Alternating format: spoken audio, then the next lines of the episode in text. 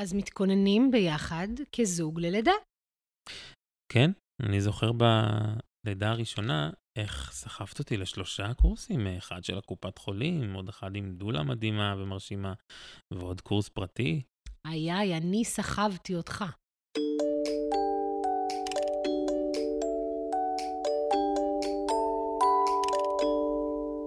אני חושבת שבלידה יש המון אה, אה, כוחות שטמונים בחוויה הזו, מלבד העובדה שנוצר פה יצור.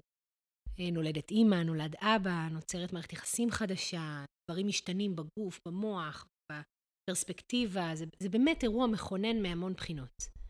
אבל ענייננו, מה אתה אומר על הבחינה הזוגית?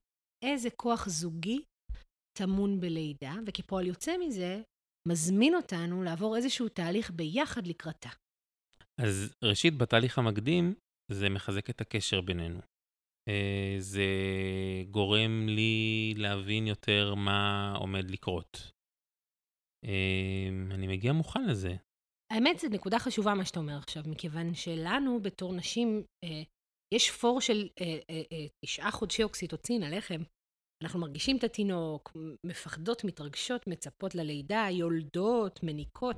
לוקח קצת זמן עד שאתם נכנסים ככה לתפקיד הצייד המגונן והאב המתפקד, ו- ובאמת אה, יש משהו בלעבור איזשהו תהליך מקדים ביחד, שבאמת יוצר ממש כמו איזה גיבוש משפחתי לפני שיש משפחה. ובזמן הלידה? וואו, בזמן הלידה יש, זה כאילו שערי השמיים נפתחים. אנחנו בתור יולדות במצב כל כך רגיש, כך שיש פה פוטנציאל אמ, גם טראומטי מאוד מאוד גדול, וגם בונה אישיות, משנה אישיות, מעצים מאוד מאוד גדול.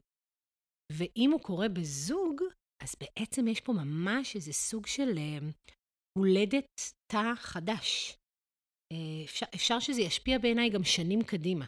ואתה יודע מה, זה לא משנה רגע איזו לידה תהיה לי, בפועל, היא מורכבת יותר, מורכבת פחות, נעימה יותר, נעימה פחות, זאת אומרת, יש ספקטרום רחב, אבל אם אני נמצאת שם באיזושהי חוויה שאנחנו ביחד, זה יכול ללוות אותי שנים קדימה, uh, התחושה הזאת. אבל את רגע מדברת על עצמך ועל החוויה שלך ועל איך זה נראה מתוך העיניים שלך. This is what I know. אבל אה, אולי ברמת הציפיות, איפה את רואה אותי, את הבן זוג, את הגבר בתוך הסיפור? לא, אני בכלל לא נכנסת לזה, אני רק אומרת בגדול שהסיבה בעיניי לעשות הכנה משמעותית וזוגית, היא כי יש לרגע הזה פוטנציאל אה, מאוד גדול ברמה הזוגית. ואולי הכי חשוב להגיד שעם כל הכבוד ללידה, אה, נשים בהיריון יש להן נטייה להסתכל למטה ולראות רק את הבטן של עצמן, ולא את כל החיים שיש מאחורי הבטן. אה, וזה כמובן סימבולי לעובדה שמנטלית אנחנו כל כך עסוקות באקט של הלידה, שקשה לנו לדבר על ההורות, אבל, אבל בעצם זה אולי הדבר הכי משמעותי הכי בלידה. משמעותי, כי בעצם נוצר פה משהו אחד, מתוך אה, אהבה, אה, מתוך זוגיות, אה, מתוך חיבור של שני אנשים, ויש פה בעצם הורות ראשונית. אה, נכון, מאוד קלולסית גם, כן? בלי ניסיון. לא רק כי זו אולי לידה ראשונה, זה נכון גם לשנייה ושלישית. זאת אומרת, יש פה גם איזה מין ילד חדש, ותא משפחתי חדש, והתנהלות חדשה, mm-hmm. והמון לא נודע. ואתה יודע מה הכי מצחיק? שגם פתאום כולם הופכים להיות פרופסורים לחינוך.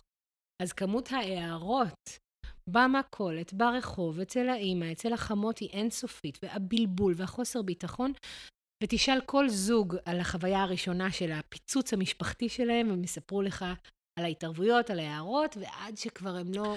אז אני דווקא חושב אה, שאם מחזקים פה אחד את השנייה, ואם אה, מייצרים פה איזה גב חזק, אה, זה בונה את, ה, את הזוגיות ואת התמיכה אחד בש, בשנייה, ו, ואת העובדה ש, שאפשר פתאום בכוח אחד להילחם מול העולם כולו. וואי, זה נורא מבאס שאתה משתמש במילה להילחם בהקשר של הורות ראשונית, אבל אתה יודע מה, זה אשכרה ככה. ו... ו... לא, כשאת אומרת לי, כולם מהירים, ולכל אחד יש נכון. מה לומר, אז זה להילחם. נכון, ואם תוסיף לזה את ההורמונים, ושלא ישן שבוע, ושאת גמורה, והחוסר ביטחון, אז, אז התחושה היא באמת תחושה מאוד קשה ונסערת. ואני חייבת להגיד שאי אפשר לתאם ציפיות, ואי אפשר לחסוך מהורים, בטח ראשונים, את החוויה הראשונית וחסרת הביטחון הזאת, זאת לא הכוונה שלי. אבל מה שאתה אומר הוא קריטי, מכיוון שאם בתוך הכאוס הזה אני לא חווה בדידות, זה כל כך הרבה יותר קל. אז אני איתך. ורק למען ההגינות, נגיד שאני מדריכת הכנה ללידה, ולמרות שאני ממש רוצה שכולם יבואו לקורס שלי, אני חושבת שיש המון קורסים טובים, והפודקאסט הזה בעצם נועד לא להכין את הזוג ללידה, כמו לגרות את המקום הזה ו- ו- ולהדליק אותם על כן ללכת לאיזשהו מסע זוגי, ארוך. אני תמיד אומרת שלא כדאי לקחת אה, ייעוץ משכנתה מהבנק שנותן לך משכנתה. יש פה איזה ניגוד אינטרסים mm-hmm. מובנה, גם אם הכוונה היא מאוד טובה. אז על אותו רעיון, אני חושבת שקורס הכנה ללידה צריך להיות קורס אחר, אלטרנטיבי, פרטי, עמוק, ארוך, שלא מגיע מתוך המערכת, כדי לתת כלים להתמודד עם המערכת, בהנחה ואת יולדת מערכת. אז בעיניי, המהות של הפודקאסט הזה זה לעורר השראה ולהרים אנשים אה, לכדי אה, תנועה, ללכת ולעשות איזשהו מסע זוגי ביחד. תגידי שאלה לא קשורה רגע. נו. אה, האם את מסוגלת לשכב עם גבר זר במרכז תל אביב על אי תנועה בשתיים בצהריים? לא, אין סיכוי. Mm. לא למדת פיזיקה פעם? זה נורא אה, פשוט. למה? יש uh, פתח, ויש משהו שרוצה להיכנס לפתח, וזה קורה. אה, אתה מתכוון אם טכנית זה יכול להתאפשר בשתיים בצהריים על אי uh, תנועה? כן, זה יכול להתאפשר. בדיוק, אבל נכון שאת לא תגמרי ולא תרצי את זה שוב ולא תהני מזה באמת.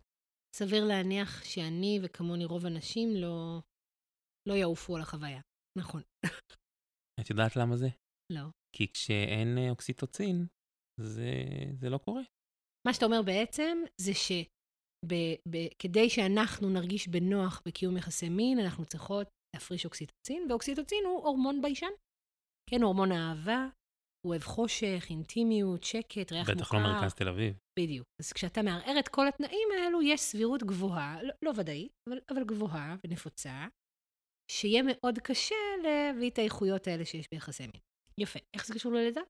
כדי שהלידה תהיה אה, נעימה יותר, שהאישה תרגיש בנוח בסיטואציה הזאת, כדי שזה יקרה באופן אה, רגוע ושלב, אנחנו צריכים לגרום לאישה להפריש את הדבר הזה, ההורמון הכל כך חשוב הזה, אוקסיטוצין. מהמם. בעצם מה המערך ההורמונלי של לידה?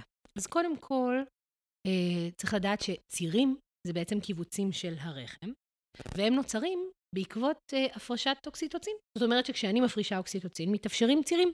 כשאני מפסיקה להפריש אוקסיטוצין, שתיים, צהריים, תל אביב, דברים שמפחידים אותי, אור וכולי, אני ממש אפסיק להפריש אוקסיטוצין, זאת אומרת, הצירים יפסיקו. זה אשכרה, יש בי איזשהו כוח מסוים שיכול לנהל את מהלך הלידה בזכות המחשבה שלי. בכלל, אתה יודע שכל מחשבה היא פונקציה של פליטת הורמונים. Mm-hmm. אז המשפט התלוש הזה של כוחה של מחשבה הוא גם ליצור מציאות, הוא לא כזה תלוש, בטח לא בהקשר של לידה. יש עוד כל מיני הורמונים בלידה, אני לא אדבר עליהם עכשיו ארוכות, כי באמת לא בזה אנחנו עוסקים, אבל רק ככה להזכיר אותם בכלליות, ככה לחזק את הנשים ששומעות אותי עכשיו, ושהן תדענה שיש המון מתנות מדהימות שהן קיבלו מהטבע באופן פוטנציאלי, ותכף נבין למה אני אומרת את זה. כמו למשל פרוסטגלדינים, שמרככים את צבא הרחם ובכלל, כמו למשל רילקסין, שמאפשר התרחבות של האגן, ואז האגן שלנו רחב יותר ממה שהוא בשגרה, וזה ככה מאפשר מעבר חלק יותר של התינוק מטה, אבל בעיקר, ותקשיב טוב, אנדרופינים. Mm. טם טם טם טם. תסבירי לי. אנדרופינים נפלטים בכמות מאוד גדולה בלידה, ויש להם כל מיני איכויות. הם מרככים, הם מטשטשי זמן, אבל לענייננו, הם משככי כאבים פי 200 ממורפיום. אז אין צורך גם לא באפידורל? תשמע, אני לא חושבת שמי שאומרת שהלידה שלה הייתה חוויה כואבת או קשה, היא משקרת חליל. Mm-hmm. אבל זה פרט נורא חשוב, שהוא עובדה מדעית גמורה, ברורה, בשנות ה-70 הצליחו לבודד את ההורמון שאנחנו מפרישות בלידה, והלא הוא האנדרופין. אבל, ויש פה תנאי מאוד חשוב, כשמגיע אריה ומפחיד אותך, מפחיד את ה... מערער את הקיום שלך, מה אתה עושה? בורח. נכון, בורח, מעולה. אתה נכנס פתאום למצב מאוד קרבי, mm-hmm. מה שנקרא flight fight freeze. יש לנו במערכת העצבים האוטונומיים שתי אה, מערכות. המערכת הסימפתטית והפרסימפתטית. אתה יודע מה, עזוב, עזוב, עזוב. שמות בלטינית כבר מביאים לי חלסטרה. חדר חירום וחדר ריפוי. רוב החיים אנחנו אמורים להיות בחדר ריפוי. לא אמורים לפגוש אריה כל יום. מי שברא אותנו דאג שאנחנו נפתח קשרים עצביים וקשרים בסינפסות במוח, ונהיה יצירתיים, ונצחק, ונעשה סקס, ונאכל, ונישן. ולכן כל הפעולות הללו נעשות כשאנחנו במערכת הפרסימפטית בחדר ריפוי. ושם הכל דבש והכל נהדר. כשמגיע האריה, אנחנו נכנסים לחדר אחר, חדר חירום. ושם באמת אנחנו עובדות אינטואיטיבית, אה, עם רפלקסים שנועדו להגן עלינו, בין היתר להעביר את כל הדם לגפיים, כדי שנוכל לברוח. לאן הוא לא עובר? לרחם. רחם זה לא חלק ממערכת ההגנה של הגוף, ולכן נמנע מהתינוק אה, אה, העברה של חמצן והעברה של דם, והנשימה נהיית הרבה יותר שטחית, ובעיקר, אנחנו פולטות משפחת הורמונים אחרת שנקראת קטקולמינים. עכשיו תשמע סוד. זה סינית כל זה. רגע, רגע, רגע, הנה אני... הנה אני עושה לך סדר. כן. קטקולמינים ואנדרופינים לא יכולים להיות מופרשים במקביל. מהמם. זה או זה או זה. לכן, ככל שרמת החרדה עולה, ככה רמת האנדרופינים יורדת. מהמם. ככל שאני מצליחה לנשום, להרפות, להירגע. להירגע, להרגיש ביטחון, ככה רמת האנדרופינים עולה. זה, ואז כל- הכל משתחרר. זה כל הסיפור. מדהים. להגיע לשלב הפעיל של הלידה עם כמה שיותר אנדרופינים, זאת אומרת להגיע כמה שיותר רגועה. אם כך, אז אנחנו צריכים לייצר תנאים אה, נוחים, נעימים, מרככים, שלווים, אולי עם אה, מוזיקה נעימה, אפילו לפזר קצת אה, אולי איזה ריח טוב בתוך החדר. לגמרי, אבל, אבל לענייננו, ממי, אה, הנוכחות שלך. כן, אני פה.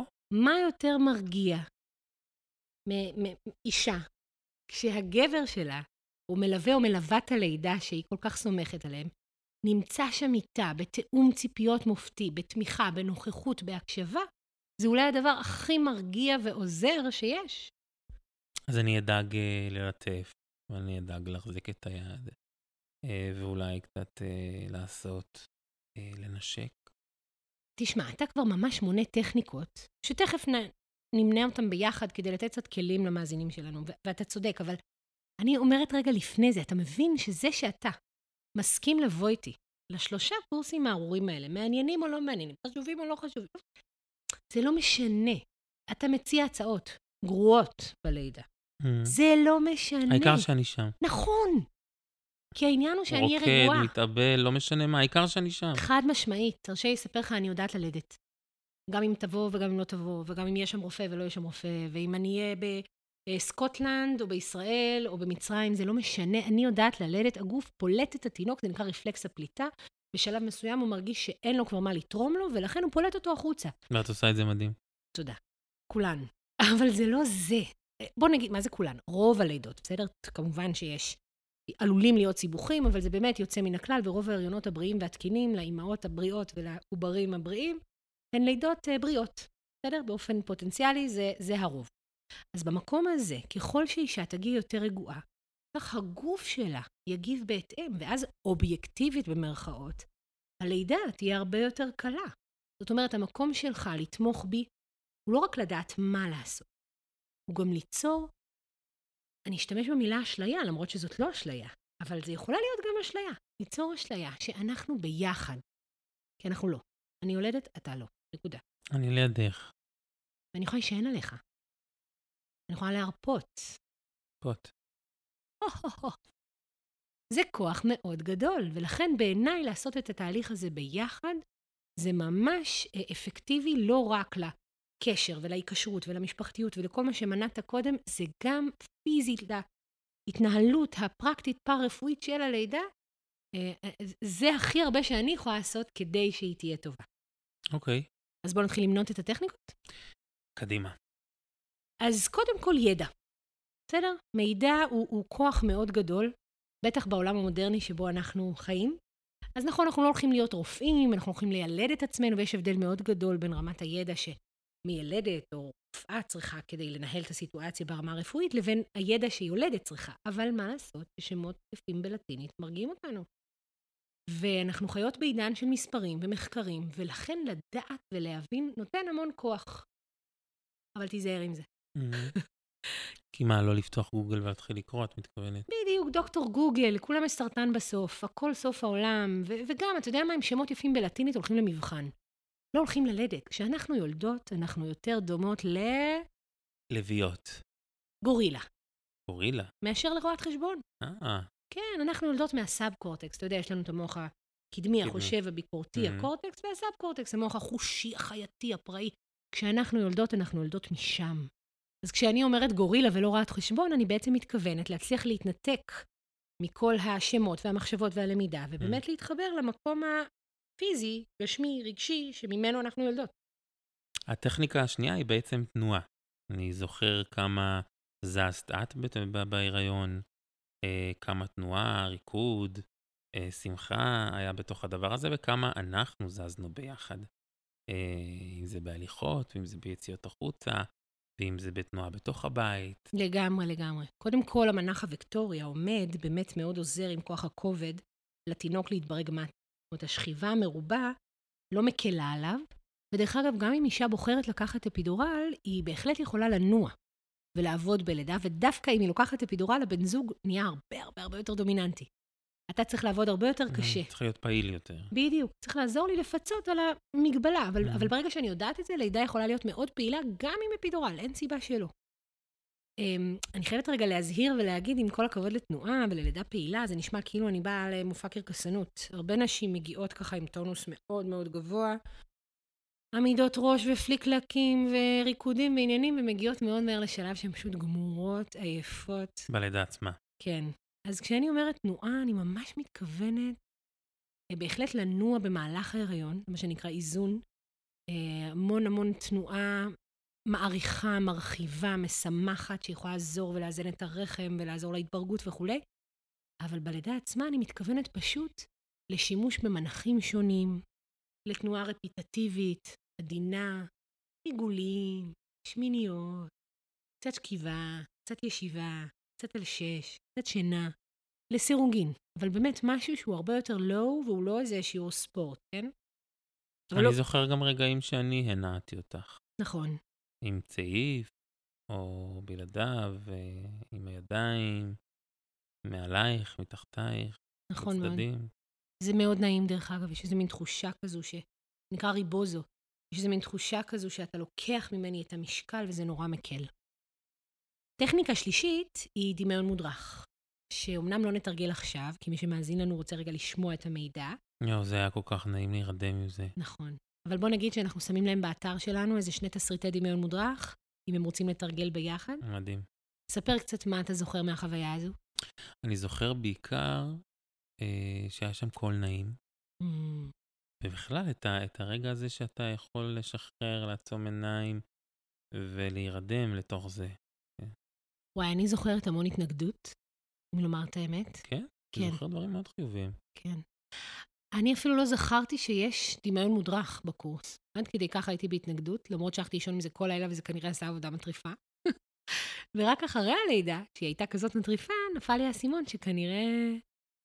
שזה כנראה היה חשוב. ולימים כבר אני מתרגלת, כאילו כבר כמעט עשור שאני מתרגלת דמיון מודרך ממש אה, כמעט באופן יומיומי, גם בעבודה שלי וגם בחיים שלי. ואני חייבת להגיד שזה פשוט מופלא. ואולי בתור בן אדם שהוא קצת ציניקן וממהר ועסוק ומקורקע, אה, זה ממש שינה את עולמי. בכלל, להודות בכלל, שיש המון כוח לדמיון שלנו. ובעצם מי, מי לא מדמיין את השיחה עם הבוס, את השיחה עם הבן זוג, את הפרידה, איך אני אגיד כך וככה. פורנו, זה לא דמיון מודרך. דמיון. לגמרי. אבל אפשר גם פורנו בטלפון. זה לגמרי יכול להיות דמיון, יש לדמיון שלנו כוח מאוד גדול על הדימוי העצמי שלנו, על המחשבות שלנו, ו- ועל המציאות, על איך אני מתפקדת אחר כך. מהמם. אז בעצם אני רוצה להשתמש בזה לטובתי. אני רוצה לשמוע המון פעמים, המון דברים מאוד טובים, כדי להאמין בהם בבוקר. אתה יודע למה אני אומרת בוקר? למה? כי בלילה השומרות, אדון ציניות, הולך להכין קפה. מהמם. הוא עייף. והתדרים במוח יורדים, והציניות נעלמת. מהמם. אנחנו מכירים את זה גם מהילדים שלנו, כן? השיחות הכי טובות, הם באמת רגע לפני. בדיוק. הכל משתחרר, החסמים נפתחים, הציניות נעלמת, ופתאום אני מסכימה להקשיב. יש משהו ש...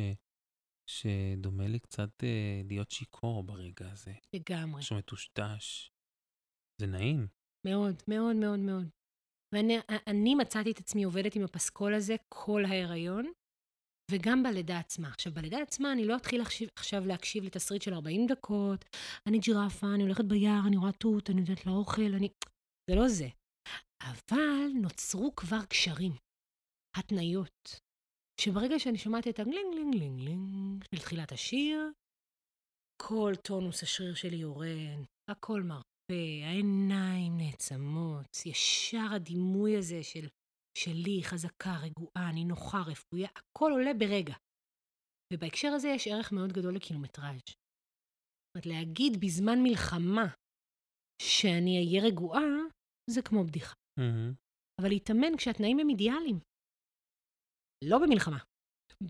בתנאים שאני יודעת שאני אהיה בהם בריאה, לא תוך כדי צירים, לא בלידה. כשאני רגועה, שאני נינוחה, עם נרות, עם פופים, עם כריות, עם דמיון מודרך של 40 דקות. עם הבן זוג ליד. עם הבן זוג ליד ביחד איתו, אלו תנאים אידיאליים. ואז הגוף שלי מכיר את התחושה הזו, ויש סבירות גבוהה יותר, לא, לא הבטחה, אבל סבירות גבוהה יותר, שברגע האמת זה יהיה לי נגיש, זה יהיה לי שמיש. טכניקה נוספת זה בנייה של מנטרה חיובית. זה איזשהו משפט חיובי אה, שאני כותב אותו, בונה אותו, והוא זה שמלווה אותי במהלך ה, אה, התהליך הזה של ההיריון והזוגיות המשותפת שנוצרת כאן. נכון. ואני חושבת שאחד הדברים הכי משמעותיים בבנייה של המשפט הזה, זה בעצם שזה מצריך מאיתנו גם להציף פחדים וחששות, וגם לתקשר אותם בינינו, וגם למלל אותם ו- ו- ולעשות עליהם איזשהו עיבוד. יש פה עבודה מאוד יפה עם הצפה של כל מיני דברים. אם דיברנו קודם על הקורטקס והסאב-קורטקס, אז באמת, בלידה יש פוטנציאל של כל כך הרבה דברים יצאו שם ויצופו פתאום, כאלה דברים שלא ידעתי שאני מרגישה, או שלא אמרתי אף פעם בקול רם לעצמי או לך. אז התרגיל הזה לפני זה מאוד מאוד אה, עוזר בהקשר הזה של שחרור פחדים, שלא יפתיעו אותי פתאום באמצע הלידה, ובטח שיגרמו לי להגיע רגועה יותר ללידה עצמה. אז כדי לבנות את המנטרה החיובית, את המשפט החיובי, יש כמה עקרונות uh, חשובים שצריך לזכור כדי שהתת-מודע באמת יאמין. נכון, אפשר להגיד עד מחר, uh, את חמודה, לידות זה סבבה, אבל זה לא ייצור איזה שינוי תודעתי אצלי, כן? Mm-hmm. אני לא אבוא רגועה יותר בזכות זה. אז באמת, כדי שזה ישכנע אותי וישפיע עליי וישנה לי איזה משהו בדימוי, צריך לשים לב לכמה חוקים כאלו. אז נראה לי שהדבר הראשון החשוב זה שזה, שזה יהיה משהו שהוא מגוף ראשון, משהו נכון. אישי, משהו שהוא שלי, אמ, שאני עושה אותו. כמו לדוגמה, אני מאמין ביכולות שלי, ולא איזה משהו כללי כזה כמו... גברים יכולים. ה... כן, כל הגברים יכולים. נכון, נכון, נכון, נכון. גם גוף ראשון וגם, דרך אגב, אה, דימויים. תת-מודע מאוד אוהב דימויים, אז, אז כשאתה אומר, אני יכול, תנסה לחשוב איזה פועל נוגע אליך. כי יש אנשים שהם יותר אה, במבט, ויש אנשים שהם יותר בריח, ויש אנשים שהם יותר בסאונד, אז אני שומעת את התינוק שלי, אני רואה אותו בזרועותיי. לנסות לחשוב גם על דימויים שבאמת מתקשרים עם, ה, עם עצמי. העיקרון הנוסף זה הדיוק. צריך להיות איזשהו משפט מדויק ולא משהו כללי. נכון. עכשיו, הבעיה בכללי, למרות שאפשר לכתוב משפט חיובי כללי, זאת אומרת, אה, אני יודעת ללדת, אוקיי? אבל אני לא בטוחה שזה יעשה שינוי, מכיוון שאני מפחדת ממשהו. הרי כל הרעיון הוא שהמשפט יתכתב עם פחד קונקרטי, שיש לך או לך ממשהו שקשור להיריון, לידה, הורות. ולכן, כשאנחנו אומרים, בואו נחשוב על משפט מדויק, אנחנו בעצם אומרים, בואו נזקק את הפחד. תני לי דוגמה. אני מפחדת מהלידה. אוקיי, אז משפט חיובי על פניו לזה, זה אני רואה את עצמי יולדת בקלות. על פניו זה עונה לחוקים, אישי, חיובי, מדויק, אבל זה לא מדויק. כי, כי ממה את מפחדת? מה זה מפחדת מהלידה? ממה בלידה? אז בעצם הכוונה היא כל הזמן לשאול ממה, למה. מה יכול לקרות, ממה, למה, מה יכול לקרות, עד שאת מגיעה לצומת. ובצומת הזה לעצור, כי כנראה זה הפחד הכי מזוקק, ועל פיו לבנות את המשפט. אוקיי. Okay. אמ, um, עוד עיקרון חשוב, זה שהוא יהיה אמ, אפשרי והגיוני. Um, משפט שאני באמת מאמין בו, מהלב. זה, זה לא רק מאמין בו מהלב, זה שהמציאות מאפשרת. הוא עובר את מבחן המציאות. Mm-hmm. כי אתה יכול להאמין ואתה יכול לא להאמין. השאלה אם פרקטית הוא יכול לקרות, כי אפשר עד מחר להגיד, אני רואה את עצמי יולדת על הנחל לבדי. אבל זוגי הטיל וטו, גם על לידת אנסיסטית, גם על לידת בית, וברור שאני הולכת ללדת בבית חולים. אז, אז אני אגיד לעצמי, עד מחר אני רואה את עצמי הולדת על הנחל לבדי, אני לא אאמין לעצמי. זה חייב להתכתב עם המציאות ברמת החוק, ברמת ההסכמה הזוגית, ברמת המרחק הפיזי, ברמת המצב הכלכלי. עם כל הכבוד לדמיון מודרך, אני לא יוצרת מציאות שלא קיימת, אלא אני מדייקת את הפרספקטיבה שלי בתוך המציאות, על המציאות. Mm-hmm. אז המשפט חייב להיות הגיוני ומתכתב עם המציאות. אוקיי. Okay. עוד דבר חשוב זה שהמשפט ייכתב בזמן הווה. נכון. לא משהו שאנחנו רוצים לעשות או שיהיה בעתיד, אלא כאן ועכשיו. זה קצת טריקי, מכיוון שאז אני בחוויית שקר. שאני בעצם אה, רוצה משהו שאני לא בטוח, אני לא בטוח יכול לעמוד בו? יותר מזה, אני יודע שאני לא יכולה לעמוד בו כי אני מת מפחד. זאת אומרת, לדעתי הלידה תהיה קטסטרופה, זה הולך להיות זוועת עולם. ואני אומרת לעצמי קודם כל היום שאני מרגישה נהדר, שלידה זה כיף. ש... את חיה בסרט. בדיוק. יש פה איזה אלמנט שקר כזה, אבל, בוא נגיד את האמת, הרעיון של המנטרה החיובית היא לשטוף את המוח. Mm-hmm. אז כן, אני משקרת לעצמי. בוא נגיד שאני בונה את המשפט שאני רוצה להאמין בו בעוד חודש. לא עכשיו, לא עכשיו. תקשיב, מקסימום זה יצליח. נכון. מישהו יתבע אותך? לא הבנתי. אז כן, יש איזשהו משהו בכאן ועכשיו ובהווה, שהוא גם יותר משכנע, אבל הוא גם עושה איזה מין תחושה לא נוחה בכיסא של, אבל אני לא מאמינה בזה. אז אני רק רוצה להגיד שזה הקונספט של התרגיל. אני רוצה להאמין בזה בעתיד, ולכן אני כותבת את זה עכשיו בזמן הווה. והעיקרון האחרון, אמ, זה בעצם התרגול. זה הרגע... זה החשוב מכולם. החשוב מכולם. זה הרגע שאני חוזר על המשפט הזה, על המנטרה הזאת. כשהמשפט הזה מופיע ב- בכל מיני מקומות בתוך הבית, בשירותים, מאחורי הדלת, אה, אה, במטבח. אה... פיזית, לכתוב אותו, לתלות אותו, לפזר אותו ברחבי הבית, מילים. Mm-hmm. אז על המקרר, אה, בחדר ארונות. אתה יודע שהשלטים הכי יקרים בארץ הם אלה שמעמידים על הכבישים המהירים. המרחב שבו אף אחד לא עוצר, אין פקקים, כולם נוסעים נורא מהר. וזה לא סתם, למילים יש המון המון כוח. את מדברת על השלטי פרסום. כן, mm-hmm. או לחלופין על אלו שאתה מציע לתלות בשירותים ועל המקרר. זאת אומרת, גם אם אני לא אעצור ואקרא אותם פיזית, למרות שזה נחמד להחליט שיש כל מיני טקסים ביום, כמו למשל, כל פעם שאני מכינה לעצמי קפה, אני אומרת לעצמי, אני רואה את התינוקת שלי מגיעה אליי בקלות. אבל גם אם אני לא אשב ואקרא את זה, אלא פשוט המילים יהיו שם, הן יוצרות את ההשפעה, הן יוצרות כוח. בהמשך לשלטים uh, שעל הכביש, אני אגיד לך יותר מזה.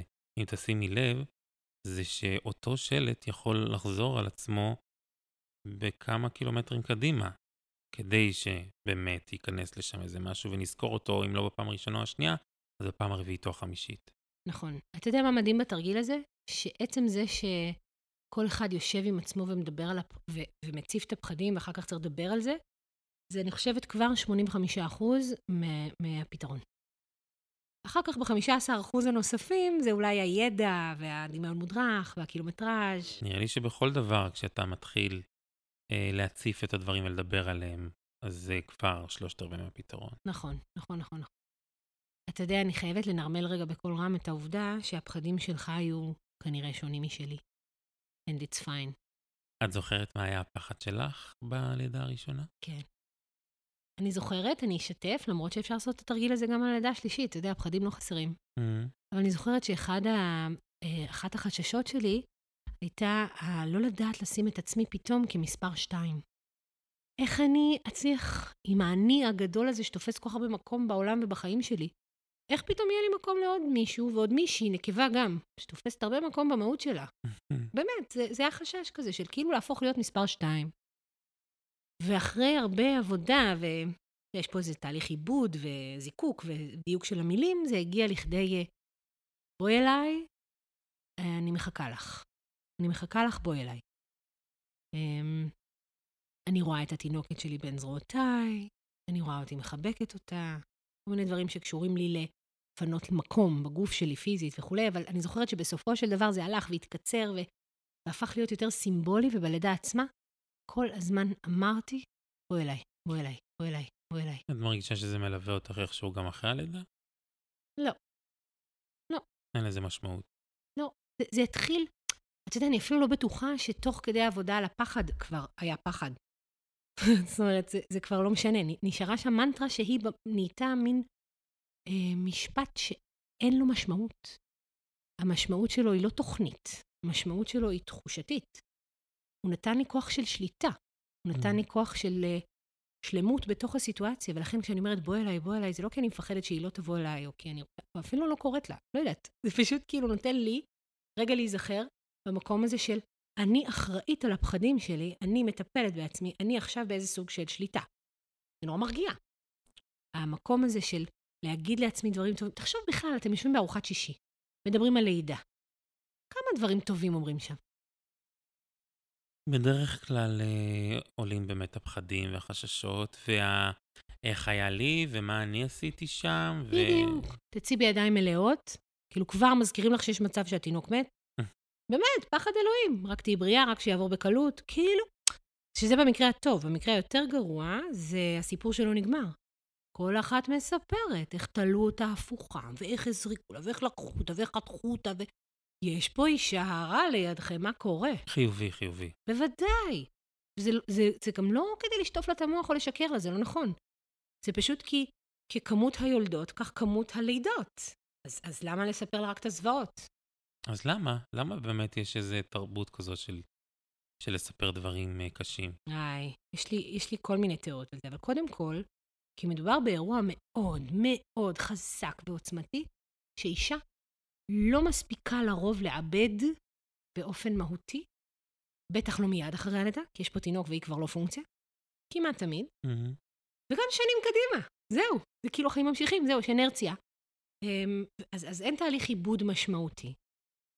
ושנית, מכיוון שאם אני אשב בארוחה משפחתית ואספר כמה זה מדהים ללדת, ואיזו חרפה עשתה לנו ההיסטוריה, ואיך זה תלוי באיזו הכנה משמעותית אנחנו עושות לפני, אני בעצם אומרת, למרות שאני לא חושבת שזה מה שאני אומרת, זה איזה חרא של יולדת את. את אשמה. את לא עשית. את לא בסדר. זה לא נכון, זה לא נכון. ואתה יודע מה, גם אם זה נכון, אין טעם להאשים אותה. אנחנו לא עוסקים בזה, אנחנו עוסקים בלחזק נשים והורים. ולכן... אז למה, למה, מה, אין, אין כאן מקום לדבר גם על דברים קשים? לא, אין. כי, כי אין מה לעשות, זה, זה כאילו יש לזה סאבטקסט. דרך אגב, זה נכון גם לחינוך, כשאנחנו מדברים עם חברים שלנו על חינוך. Mm-hmm. אנחנו מאוד נזהרים במה שאנחנו אומרים. פה אנחנו מרגישים בנוח, אנחנו לא רואים ממולנו.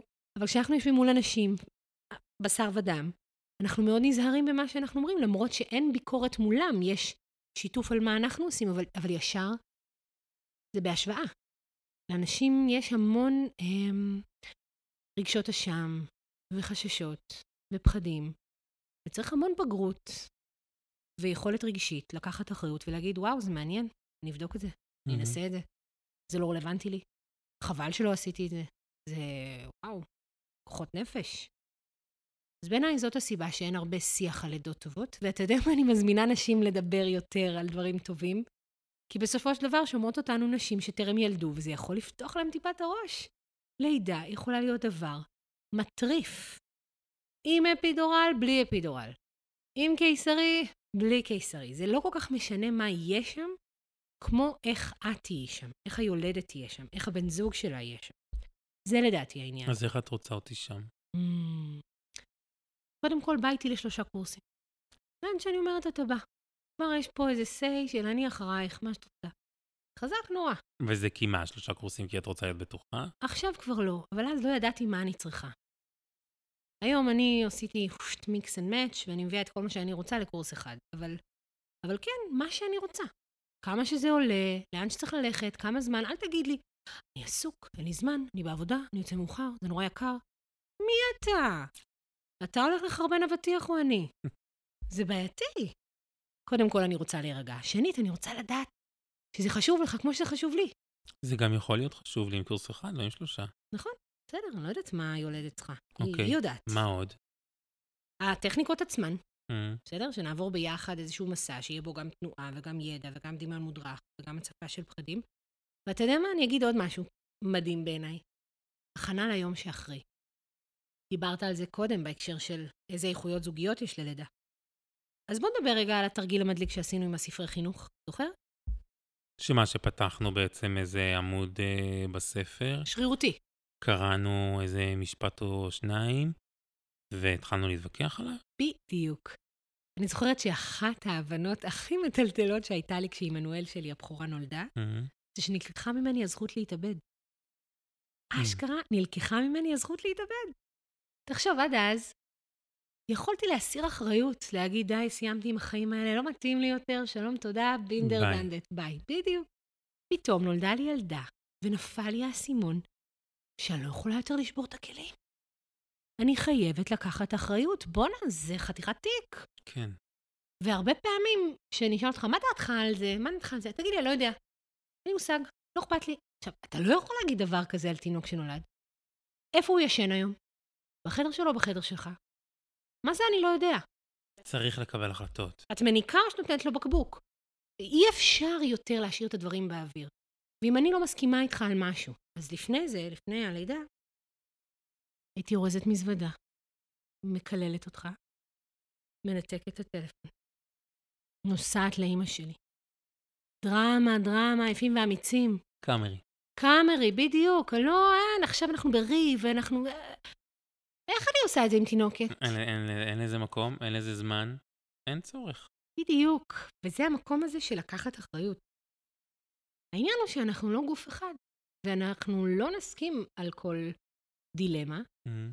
ואתה יודע מה, גם אי אפשר להתכונן מראש לכמות הדילמות. אז צריך לחשוב איך אנחנו גם מתחברים באופן הרבה יותר חזק, גם אחרי הלידה. אני בטוח שמה שקורה עד הלידה עצמה משפיע ומחזק את הקשר, בטח כשעובדים על זה ביחד. שלושה קורסים, אה, מנטרות וכולי, אה, אבל יש חשיבות מאוד גדולה גם להמשיך ולהתקרב גם אחרי הלידה. תקשורת. מילים, מילים, מילים, מילים, אני בכלל אומרת, צריך להוציא מהחוק את הקונספט הזה של טלפתיה. איך הוא לא הבין? איך הוא לא הבין שאני בדיכאון? איך חמותי לא הבינה שאני רעבה? איך היא חשבה שאני אארח אותה? איזה חוצפה... וואי, וואי, וואי, וואי. לדבר את זה. אני תמיד שואלת, אמרת לה? במילים? לא מתאים לי שתבואי, אני נורא עייפה. אם את באה, תביאי סיר, אני מתה מרעב. מסכים איתך. אז רגע בחזרה למהות של התרגיל. הרעיון היה לקחת איזשהו ספר על הורות, ויש כל כך הרבה, ואם יורשה לי, כל הספרים האלה הם big bullshit, בסדר? כי אין ספר להורות. כל המהות של ההורות זה שהיא דינמית. פר ילד, פר הורים, פר שנה, פר מצב כלכלי, פר מזג האוויר. דינמית, דינמית, דינמית, בכלל אידיאולוגיות זה אחד ה... אחת הסכנות באופן כללי וספציפית להורות, שפשוט מצריכה כל כך הרבה דינמיות. יהיה נתון לשינויים. ממש כך. אז לקחת איזשהו ספר, וקוראים איזושהי פסקה, לא משנה על מה, על בקבוקים, על חלב, על התפתחות, על תקשורת, על שינה, לא חשוב. ואז אומרים, מה אתה אומר? מה אני אומרת? ותמיד מתחילים לריב. תמיד. כן? כן. אתה לא זוכר? זוכר. אבל עכשיו הריב מתנהל כשאני לא עייפה, כשאני לא חסרת ביטחון, כשאין פה תינוק שבוכה ברקע, כשחמותך לא פה. וזה משנה את כללי המשחק ומאפשר לנו שנייה לעצור, לנשום ולתקשר את זה. דבר, דבר. מסכימים, לא מסכימים, מי מתפשר, מה מנסים, מה בודקים. אוקיי, בוא נראה, חיבוקים, נישוקים, אה, אני רואה שזה קשה לך. תרגיל מעניין. מאוד, מאוד, מאוד, מאוד. והוא לא כדי להתכונן לדילמות הספציפיות של היום שאחרי, הוא כדי לתרגל תקשורת, בלי לשבור את הכלים. איך עוד נתרגל תקשורת? עזרה, מגע, אולי זאת הזדמנות להגיד שבאמת סקס אחרי לידה זה דבר קצת מורכב, אז uh, זאת הזדמנות לחפש מגע מסוג קצת אחר. ללטף, לחבק, להחמיא, לעשות, להביא מתנות, לפנק. לפנק, כן, להראות תשומת לב וחיבה בהמון דרכים נוספות. לדאוג לילד, לדאוג לילד. וואו, תדע לך שהרבה פעמים הלב אל האימא הוא דרך, דרך. הילד. יכול להסכים. זה מאוד חזק, בטח אחרי לידה. אז אה, לסיום, יש איזה משהו שאת רוצה לקרוא לנו? כן. אני רוצה לקרוא שיר מאוד יפה של חלי ראובן, שהיא משוררת שאני מאוד אוהבת, מתוך ספר שנקרא "השיא בקרבה", אה, והוא נשמע כך: השיא קרבה בליבי אמא, שלא אצטרך אחר כך חיים שלמים לחפש אותה בלב של אחרים. השיא בקרבה שלמה אמא, שלא אלמד בטעות שמגיעים לי רק פירורי אהבה. ושנים ארוכות אהלך מפירור לפירור, רעבה כל כך להרגיש, ושבעה כל כך מלא להצליח. השיא קרבה בחום גופי, שאדע אחר כך כל ימיי לחבק חזק, בלי רווחים של פחד, שאדע כל חיי שאני ראויה, כל כך ראויה. מדהים. פה זה רצון של, אה, של אה, ילדה אה, מהאימא שלה, ללמד אותה מהי קרבה. ותראה, היא משתמשת במילה מאוד אבסטרקטית, קרבה. אפשר היה להגיד, תנשקי אותי, תחבקי אותי, תאהבי אותי, שאני ארגיש טוב עם עצמי, אבל זה מאוד כללי. זה מתחבר לי לעולם העוברות. אני יכולה לדמיין עובר שמבקש את זה מאימא שלו. Mm-hmm. כי קרבה זה באמת, אתה יודע, בפעוטות זה המון חום גוף ולענות על צרכים, ואז כשגדלים זה, זה מורכבות קצת אחרת והיא רגשית וכולי, אבל, אבל זה גם נוכחות בהיריון, וזו נוכחות בלידה. וזה אולי אפילו מתכתב עם הרעיון של להפוך את הלידה למשהו שהוא בעצם שמח. מקרב. בעצם אנחנו רוצים את הלידה. Mm-hmm. זה לא קרה בטעות, אנחנו בעניין. בחרנו. בחרנו. מתרגשים. ויש המון תחושות שעולות בלידה, ולהחליט לשים את שימת הלב על ההתרגשות והשמחה והציפייה, ולא רק על הפחד, למרות שהוא קיים ואנחנו נותנים לו מקום, זאת בחירה שהיא מביאה איתה קרבה. גם ביני לבין התינוק, אני, אני הרבה יותר מחוברת לעובר, גם ביני לבין הגוף שלי, גם בינינו ברמה הזוגית. אז אני בוחר להתקרב.